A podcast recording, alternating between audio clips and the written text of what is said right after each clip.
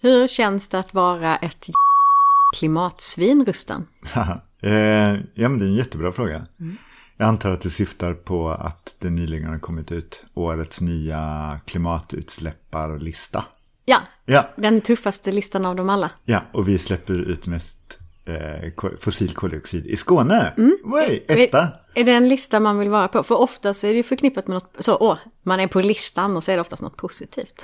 Inte den här gången. Nej. Eh, eller, jag vet inte, för att eh, man kan väl se lite dubbelt på det. Men, mm. bara för att eh, du lyssnare ska hänga med. Varför kallar, vi, varför kallar Ann mig för klimatsvin? Jo, det är för att en artikel i Sydsvenskan, tror jag var 2019, på kultursidorna. Mm. Så när den här listan hade kommit det året så var det en journalist som sa, här är eh, de största klimatsvinen i Sverige då. Mm. Och då var ju vi störst klimatsvin i Skåne. Vad är det för andra företag som är med på den här listan då? Men det är ju energibolag, men mm. det är ju mm. också ståltillverkare och Cementtillverkare ja, och sånt. Mm. Och skillnaden kan man ju säga så här, ja vi vi eldar ju avfall. Det är därför. Va? Kom som en chock för mig. ja. Det här är en podd som heter Avfallet. det är en riktigt sopig podd. Med Ann Nerlund och Rustan Nilsson. Just det, det är vi. Avfallet är en podd som produceras av miljöföretaget Sysav. En lite smånördig miljöpodd för dig som gillar sopor. Eller ja, hur sopor hänger ihop med konsumtion, miljö och klimat och så. Avfallet en riktigt sopig podd helt enkelt. Ja, så nu är vi är klimatsvin därför att vi släpper ut jättemycket. Jag tror det är 270 000 ton fossila koldioxid varje år genom vår skorsten. Mm, för det är skillnad på fossilt och biogent koldioxid. Ja, fossilt bränsle, fossila utsläpp. Men jag tycker att det här är egentligen helt fel att jag sitter och förklarar det här. För vi har ju faktiskt en gäst som kommer förklara det här ja, ännu bättre. Precis, ja. det är någon eh, stor klimatexpert vi har intervjuat, eller hur? Ja, just det. Vi har, nu tänkte du på eh, olika gäster. Ja, jag, jag tänkte, tänkte på gästen som kommer senare också. Jag tänkte på gästen som faktiskt i din intervju med honom förklarade vad skillnaden var mellan biogent och fossilt. Mm, precis, han förklarade superbra, så det ska vi prata om. Nu ska jag svara på din fråga då. Hur känns det att vara klimatsvin? Ja, hur känns det? Ja, det känns ju inte bra. Nej, men därför att det, vi, det här är ju standardgrejen. Vi säger, men det är inte vi som slänger soporna, vi tar ju bara hand om dem. Mm. Och den här plasten som finns till exempel dolda saker som inte går att återvinna av olika skäl. Liksom för att det är helt ekonomiskt omöjligt eller de är så kastdesignade. Eller ingen som vill köpa materialet ens för vi plockar ut det. Då hamnar det i vår panna. Och ja, då blir det utsläpp. Men det är inte våra jäkla utsläpp. Det är så vi liksom känner instinktivt. Mm. Men vi har två fantastiska gäster. Vi har Marko Rummukainen som, eh, som vi kommer föra strax. Eh, förklara vad det här med klimatförändringarna är. Men vi har ju också vår SISAs nya miljö och hållbarhetschef. Ja. Som kommer snacka om vår klimatambition. För vi kan inte bara hålla på och skylla från oss, eller hur? Nej. Nej. För nu tänkte jag att vi ska faktiskt lite lägga golvet. Vad är det här med klimatförändringar? För vi kommer snacka klimat i det här avsnittet. Och då ska vi höra från vem då? Den bästa av de bästa som kan prata klimat. Marko Rummukainen är klimatexpert från FN och IPCC. Vi ringde helt enkelt upp Marko.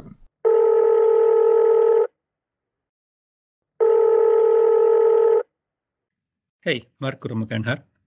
Hej Marko! Jag tänkte börja med att ställa dig frågan helt enkelt. Vad är klimatförändringar för någonting? Vi har en klimatförändring på gång just nu. Vi alltså lever in i en klimatförändring. Och det handlar om att jordens temperatur stiger, vi har en global uppvärmning, men också att havsnivån stiger, att isen smälter, havsisen på Arktis, glaciärer och att en del extremväder som värmeböljor och extrema regn blir vanligare alltså klimatet, vädret runt omkring oss håller på att bli någonting annat än det vi har varit vana vid. Då förstår jag. Vet vi vad som har orsakat dem den här gången? För jag antar att det har funnits bak i historien klimatförändringar tidigare. Men vad är det som har orsakat de här klimatförändringarna? Ja, det finns tidigare klimatförändringar långt tillbaka i tiden, vilket visar för oss att klimatsystemet är känsligt för påverkan. Och man har studerat även idag huruvida naturliga faktorer skulle påverka klimatet idag. Men så visade det sig inte vara fallet. Utan det är de ökade mängderna växthusgaser i atmosfären, koldioxid och metan, som vi orsakar genom att använda fossila bränslen, alltså kol, olja, naturgas på energisektorn, transportsektorn och industrin, samt avskogningen eh, som också leder till växthusgasutsläpp och ökar halterna i atmosfären, som får klimatsystemet att respondera genom en uppvärmning. Hur stora är utsläppen idag av de här växthusgaserna i förhållande till vad vi egentligen skulle klara av? Hur mycket mer släpper vi ut än vad vi bör så att säga? Ja, om vi vill ha ett stabilt klimat så då borde vi inte släppa ut växthusgaser alls så från mänskliga aktiviteter eftersom naturen inte förmår hantera dem annat än med en klimatförändring. Utsläppen har ökat sedan det så kallade förindustriella, eh, inte minst de senaste 150-20 åren. Och idag så ligger vi någonstans vid 60 miljarder ton växthusgaser räknat som koldioxid per år, vilket är ja, så pass mycket att det leder till en stor förändring i klimatet. När man lyssnar på debatten så får man ju höra olika grader, en och en halv gradsmålet och två gradsmålet och så vidare. Kan du förklara vad det innebär, Marco? Ja, så än så länge har det orsakat en klimatförändring som uppgår till drygt en grads global temperaturökning. Och vi vet utifrån forskningen och också det vi håller på att uppleva att eh, ju större klimatförändring desto mer omfattande och farliga och, skadliga blir klimateffekterna mot människan och naturen. Och när man har sen pratat, diskuterat om klimat internationellt och i länderna, man har kommit fram till att vi borde försöka minska utsläppen så att den globala uppvärmningsnivån inte överstiger 1,5 grader eller i alla fall inte överstiger 2 grader. Då menar man så kallade 1,5 graders mål eller, eller 2 graders mål. Det skulle innebära en viss fortsatt klimatförändring men det skulle ändå begränsa effekterna så att de i, i någon mån kan hanteras genom förändringar i samhället och klimatanpassning. Varför har vi två mål, en, en och en halv respektive två? Är det för att vi inte tror att vi klarar en och en halv så vi liksom gav oss en chans till på något sätt? Eller varför kan vi inte bara säga en och en halv gradsmålet? Alltså formellt så målet är på två grader eller långt under två grader som det heter i så kallade Parisavtalet från internationella klimatförhandlingar under FN. Men i Parisavtalet lär man också att, att vi ska ha en ambition i världen att, att begränsa temperaturhöjningen till max 1,5 grader. Och det var mycket eftersom vissa länder, till exempel mindre östater, kommer att drabbas eh, väldigt mycket mer än, än andra länder. Och de var väldigt drivande att, att uh, utöver tvågradersmålet också ha en högre ambitionsnivå och sikta på alltså 1,5 grader. Vilken otrolig lyx att få ha med Marco i den här podden. Ja, ska man kolla vad klimatet är kan man fråga den bästa. Ja, just det. ja, men du, ehm, jag ställde faktiskt en annan fråga till Marco också. Mm. Eh, det var ju ifall han tror att vi kommer fixa det här med, en mm. Kommer vi klara det? Mm. Eh, vad han svarar på den frågan tänkte jag att den tar vi sist. Så ni som ja. lyssnar nu får väl höra. Cliffhanger. Vad, vad säger Sveriges ledande klimatexpert? Klarar vi det eller inte? Mm. Don, don, don.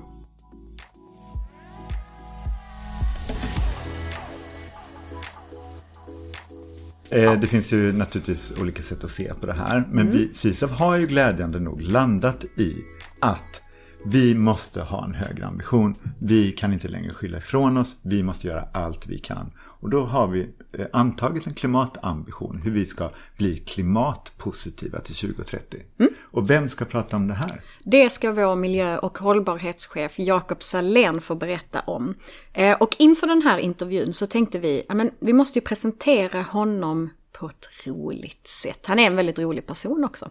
Så du hörde ju faktiskt av dig till hans eh, sambo och eh, frågade kan inte du berätta lite om Jakob utan att han visste om det. Det gjorde jag ju. Mm. Så det här är Jakob Salén. Jakob har ju många intressen och går gärna all in på något. På senare tid har det varit otroligt mycket paddel. Han är också före detta sångare i ett rockband. Bland annat påstår han sig ha genomfört ett bejublat äggsolo under en Afan Sverige-konferens i Umeå.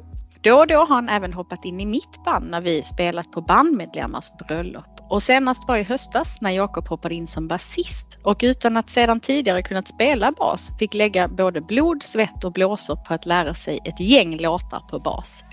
Gigget gick bra i alla fall och nu kan han bland annat spela klassiker som Kärleken är evig med Lena Philipsson.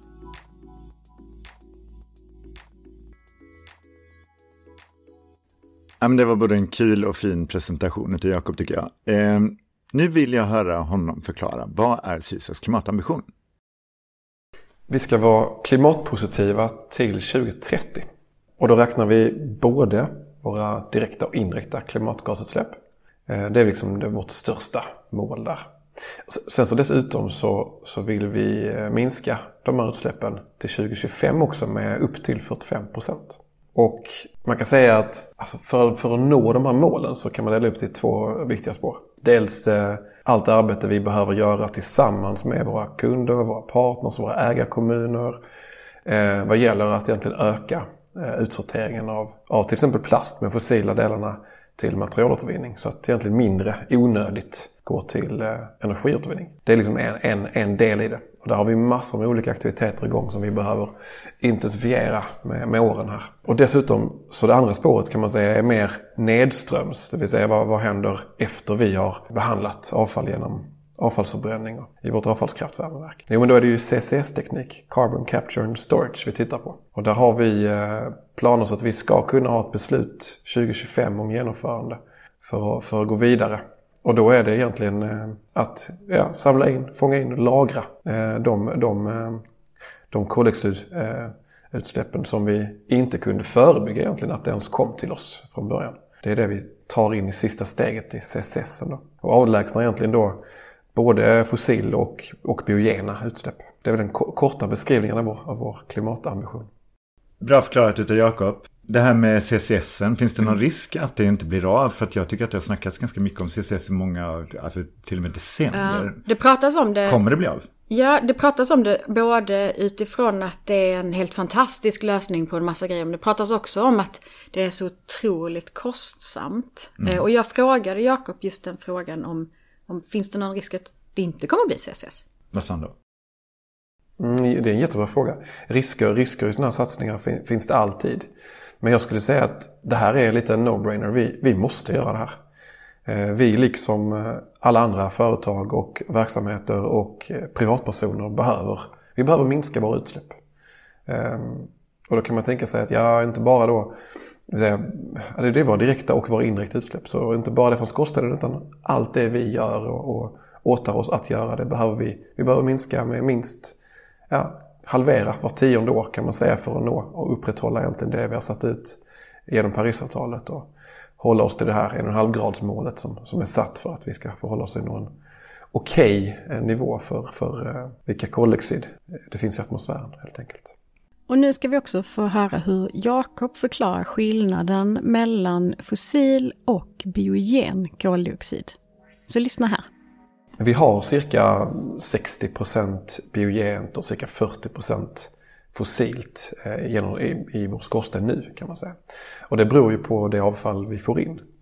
Eh, och biogena koldioxidutsläpp kan man enkelt säga att det har att göra med det som har växt, det som har fångats in genom fotosyntes. I princip kanske det som är bakom mig här, som är en, en trävägg. Det har växt någon gång och fångats in koldioxid via fotosyntesen, via växternas egentligen egen e-, energisystem. Och lagrats i, i, eh, i en, eh, en växtmassa egentligen. Och den, den blir någon gång, någon gång kommer det här huset, eh, hoppningsvis inte på lång tid för det här är ganska nybyggt. Men någon gång kommer det ju troligen Eh, att rivas. Kanske 150 år, 100 år, vem vet? Och då behöver vi göra någonting med det. det. Och då bör, kanske det går till någon sorts återbruk i bästa fall eller någon sorts återvinning. Och sen i slutändan när fibrerna har gjort sitt så, så kanske det hamnar i förbränningen. Och då har vi biogena utsläpp. Och, och de fossila har att göra mer med en mycket, mycket längre eh, kolcykel. Det vill säga egentligen kanske en 300 eh, miljoner år det vill säga egentligen olja och, och fossila bränslen. Och, och, därför är det en helt annan eh, tanke vad gäller kolcykeln då. Då, då säger man att ja, men om, vi, om vi har CCS på vår anläggning så, så fångar vi inte in så att säga genom fotosyntesen där utan där tar vi bort fossila utsläpp som annars hade blivit en, en, en negativ påverkan direkt på, på klimatutmaningen vi har. Medan när vi fångar in biogena så kan man säga då, då, då har vi genom egentligen att träden håller på med sin fotosyntes så har vi också renat atmosfären genom att vi också till sist då fångar in de biogena koldioxidatomerna genom eh, CCS och sen kan lagra det. Frågar du, jag antar att du frågade Jakob hur det där med CCS rent tekniskt eh, funkar för att du är ju inte jättehaj på sånt. Nej. Vad gjorde du för liknelse den här gången till exempel? jag gjorde det, eh, liknelsen var så här, är det som en dammsugare som vi liksom suger upp koldioxiden? hur, svar, hur svarar han då? Han svarar så här. Det, det, finns den typen av, av, eh, av sätt som är att man suger in från atmosfären. Eh, men det är inte så jättekoncentrerat. Eh, utan det vi gör är då att vi sätter på det på vår avfalls, eh, vårt avfallskraftvärmeverk. Och renar rökgaserna därigenom. Och det kan man göra på lite olika sätt.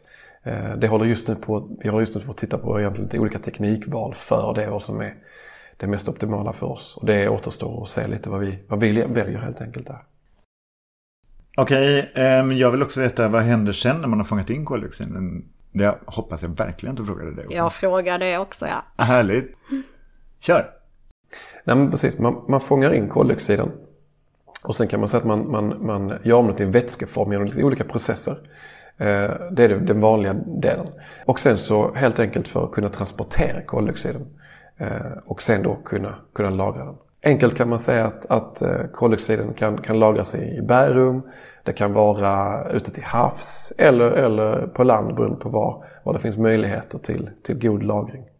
Du nämnde ju tidigare att, att det här med CCS är dyrt. Eh, och det är vi verkligen. Och frågan är vem som ska ta den notan. Liksom, mm. Och hur man kan överföra den på rätt person så att säga. För att många gånger vill man ju att ifall man inför ett styrmedel eller en skatt eller en avgift eller att någonting bara helt enkelt är jäkligt kostsamt så vill man att rätt person plockar upp notan. Mm. Eh, nämnde Jakob något om det också? Då? Ja, det gjorde han och det ska vi lyssna på såklart. Ehm, jag tycker alltid att det är eh, väldigt intressanta diskussioner som du och jag också har med studiebesökare kring vem, var ansvaret ligger. När det kommer till olika, till exempel cirkulär ekonomi, är det bara liksom konsumenter som ska efterfråga det hela tiden? Ska allting ligga på den enskilda personen? Mm. Och om vi tänker då så här, vem som ska bekosta Jakob utvecklar lite hur han tänker kring, kring, ehm, kring det. Men hur tänker du själv innan vi lyssnar på Jakob? Jo, men jag tänker så här att eh, kan man få det till att, ehm, att det, det hamnar liksom så nära källan till ursprunget till problemet som möjligt så är det bra. Och var är källan? Ja, det beror ju lite på vad det är naturligtvis. Men mm. ibland kan det ju vara till exempel att ifall, låt oss säga att en, ett rivningsbolag mm. eh, kan ifall de lägger tid och omsorg på det, kan demolera eller plocka ner huset eller byggnaden så att det faktiskt går att återanvända mycket av materialet. Men väljer att inte göra det på grund av att det är helt enkelt billigare att bara slänga allt tillsammans och köra in det till oss. Mm. Då tycker jag att vi på något sätt ska sätta en avgift i vågen på det inkommande avfallet som är så pass hög så att de, oj, de ångrar sig för det sved. Mm. Så att de helt enkelt tar ansvar för det när de plockar ner konstruktionen. Men sen kan det ju också vara eh, designen eh, tillverkaren av produkten som inte har tänkt på att den ska kunna cirkulera eller återvinnas. Mm. Då, ska, då ska det helt plötsligt straffa sig att sätta det på marknaden redan där. Så det beror lite på vad det är helt enkelt. Men mm. jag vill verkligen höra vad Jakob sa. Men har du några tankar kring det först? Eh, jag tänkte på det du sa också det här med plastanvändningen som har ökat de senaste åren. Där behöver kanske också då prissättningen se lite annorlunda ut kopplat till råvara. Mm att plast är idag så pass billigt, det är ju därför vi Absolut. har det i allt som vi har runt omkring oss. Nu när jag, du har plast i din tröja och vi pratar i en plastmick och plastdator och du kanske inte har ett plastbord ser jag nu här. Men, men um, hade vi prisat det annorlunda så hade det funnits ett liksom högre grundvärde. Så hade vi också varit lite mer försiktiga med användningen av det. Verkligen. Bra. Ska vi se vad Jakob säger då om det här med hur och vem som ska bekosta det? Ja, jag är jättenyfiken. Man kan säga att alla behöver betala, eller snarare egentligen investera i vår framtid. Eh, så länge vi, vi globalt ökar utsläppen så, så ökar vi också egentligen vår skuld till, till vår planet. Eh, om man, man liksom drar en parallell till att, att låna för ett hus så kan man säga att vi, eh, om vi inte agerar nu så, så klarar vi snart inte av att betala räntan på det lånet. Och ännu mindre klarar vi av att betala de amorteringarna som, som till, tillför. Det är liksom den stora bilden. Om man tittar på, på just CCS på ett avfallskraftvärmeverk så kan man tänka ett varv kanske kring eh, förorenaren betalar eller polluters pays principle. Åtminstone vad gäller de fossila utsläppen skulle jag säga. Det vill säga, vi får ställa oss frågan varför finns det avfall som behöver eh, behandlas egentligen? Och, och, och, det är klart att det, det, det det finns ju många eh, anledningar till det, men någonstans behöver vi titta på varför, varför genereras avfall? Varför har det inte kunnat förebyggas? Varför har det inte utsorterats till materialåtervinning? Varför har, eh, varför har, eh, varför har det kommit till oss för, för just i det här flödet som ska till förbränning? Jag passade också på att fråga Jakob, eller ville ha några kommentarer kring FNs senaste IPCC-rapport. Vad han tyckte om den. Ja, Och eh, det vill du också höra. verkligen, det vill jag. Så det kommer här. Det bästa med den rapporten var faktiskt det kapitlet som inte längre är med om man jämför med föregående rapport. Och det var ett avfallskapitel. Det låter ju lite konstigt att säga så. Men, men det som har hänt är att man har integrerat egentligen all hållbar resurshantering och avfallshantering i, i alla andra eh, kapitel. Det vill säga alla andra eh, sektorers kapitel kan man säga. Och, det i sig är väldigt bra för det tydliggör också vikten av just den här hållbara resurshanteringen och, och vad man behöver göra uppströms innan det blir avfall. Och för att faktiskt förebygga att det blir ett avfall. Och att jobba med effektivare processer i respektive industri och så vidare. Det är nog den, den liksom stora förändringen och det, och det stora steg som, som den nya rapporten faktiskt visar på. Det vill säga mer fokus på, på att ha en högre resurseffektivitet i alla värdekedjor. Sen så kan man kanske läsa föregående rapport för att, för att inse hur, hur illa eller dålig avfallshanteringen är globalt sett. Just för att få den inblicken i det.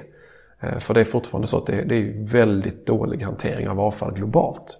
Så att vi i Sverige är bland de bästa på att hantera avfall. Samtidigt är vi kanske de sämsta på att också att vi genererar så väldigt mycket avfall. Både inom Sveriges gränser men också på grund av att vi importerar så mycket så att vi genererar avfall i andra länder. Som är producerande länder mer än vad vi är. Bra förklarat utav Jakob. Eh, vad var din sista fråga till honom? Jo, jag frågade såklart om han tycker att Sysav är ett klimatsvin eller inte. ja men det är en bra fråga. Kanske en klimatkulting. Vi, vi, vi gör så att säga, vi gör det bästa vi kan med det avfall som genereras.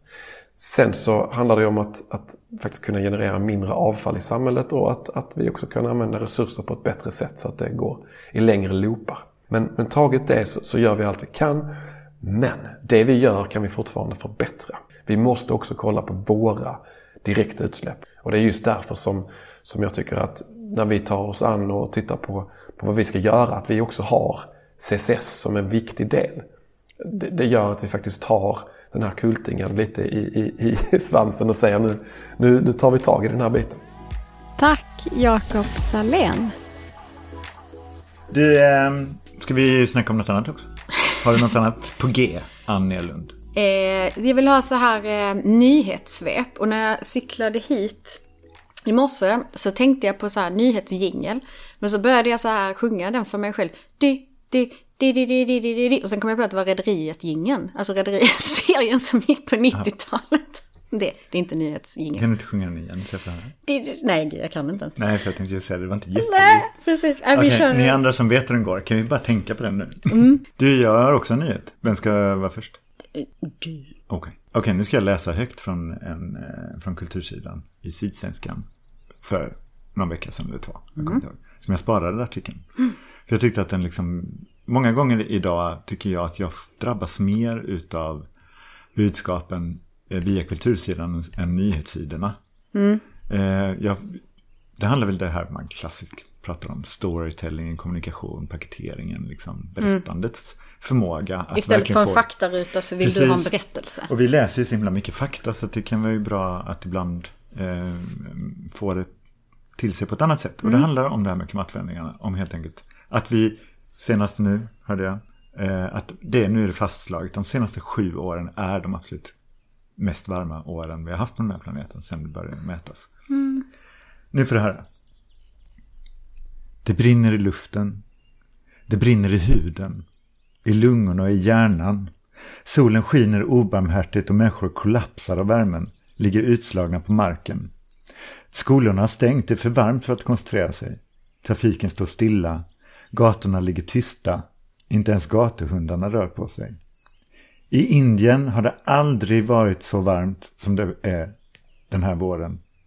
Det vi ser är en värmekatastrof. En hetta som plågar var tionde människa på jorden.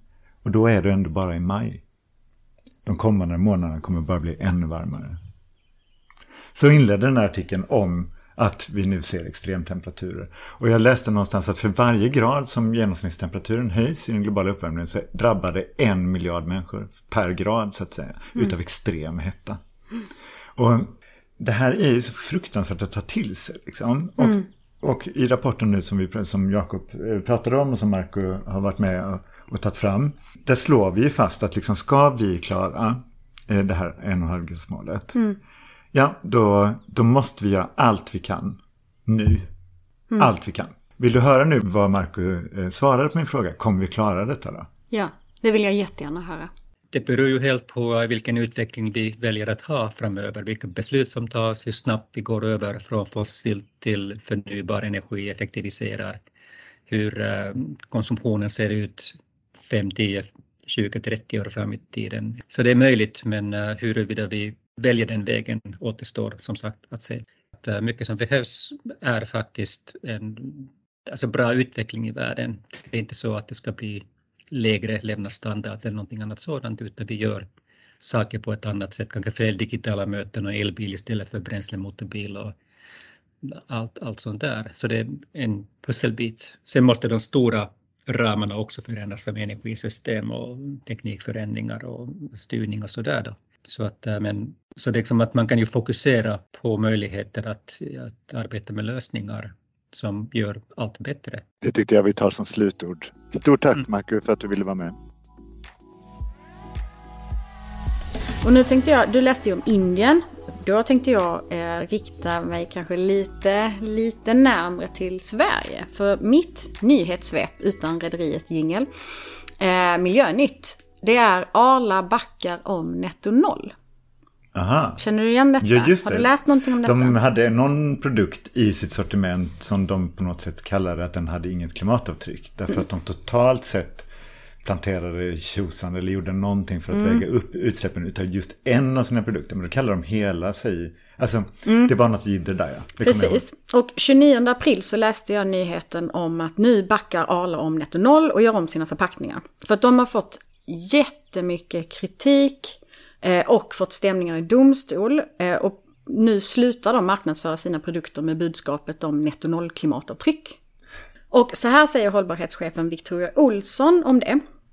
Vi står för den marknadsföring vi haft, men debatten kring netto noll klimatavtryck avtryck tog fokus från bönderna. Um, och lite så här... Vadå tog fokus från bönderna? Ja, det vet jag. Jag tror faktiskt att det kanske tog lite mycket fokus från just Arla-märket. Men visst, vi kan säga att det tog fokus från bönderna. I januari så utnämndes Arlas netto noll klimatavtryck till årets klimatbluff. Mm. Du och jag tycker det är lite kul att läsa om så här, årets klimatbluff eller greenwashing-priset och sånt. Eller hur? Ja, det är det ju. Det finns ju alltid en viss skadeglädje i det. Sen ska man ju inte hoppa på folk i, i onödan ifall de inte förtjänar det. Men Nej. i det här fallet så måste jag säga att jag höll med om kritiken faktiskt. För att det var ju ändå så pass... Alltså man kan ju inte säga att man har en produkt. Eh, alltså låt säga så här. Jag producerar tusen saker. Och för varje sak jag producerar, låt säga att jag måste plantera tusen träd. Mm. Eh, och då eh, för att äta upp, eh, liksom, kompensera mina mm. utsläpp. Då kan man inte säga att jag har en av de här tusen sakerna eh, som jag kompenserar bara.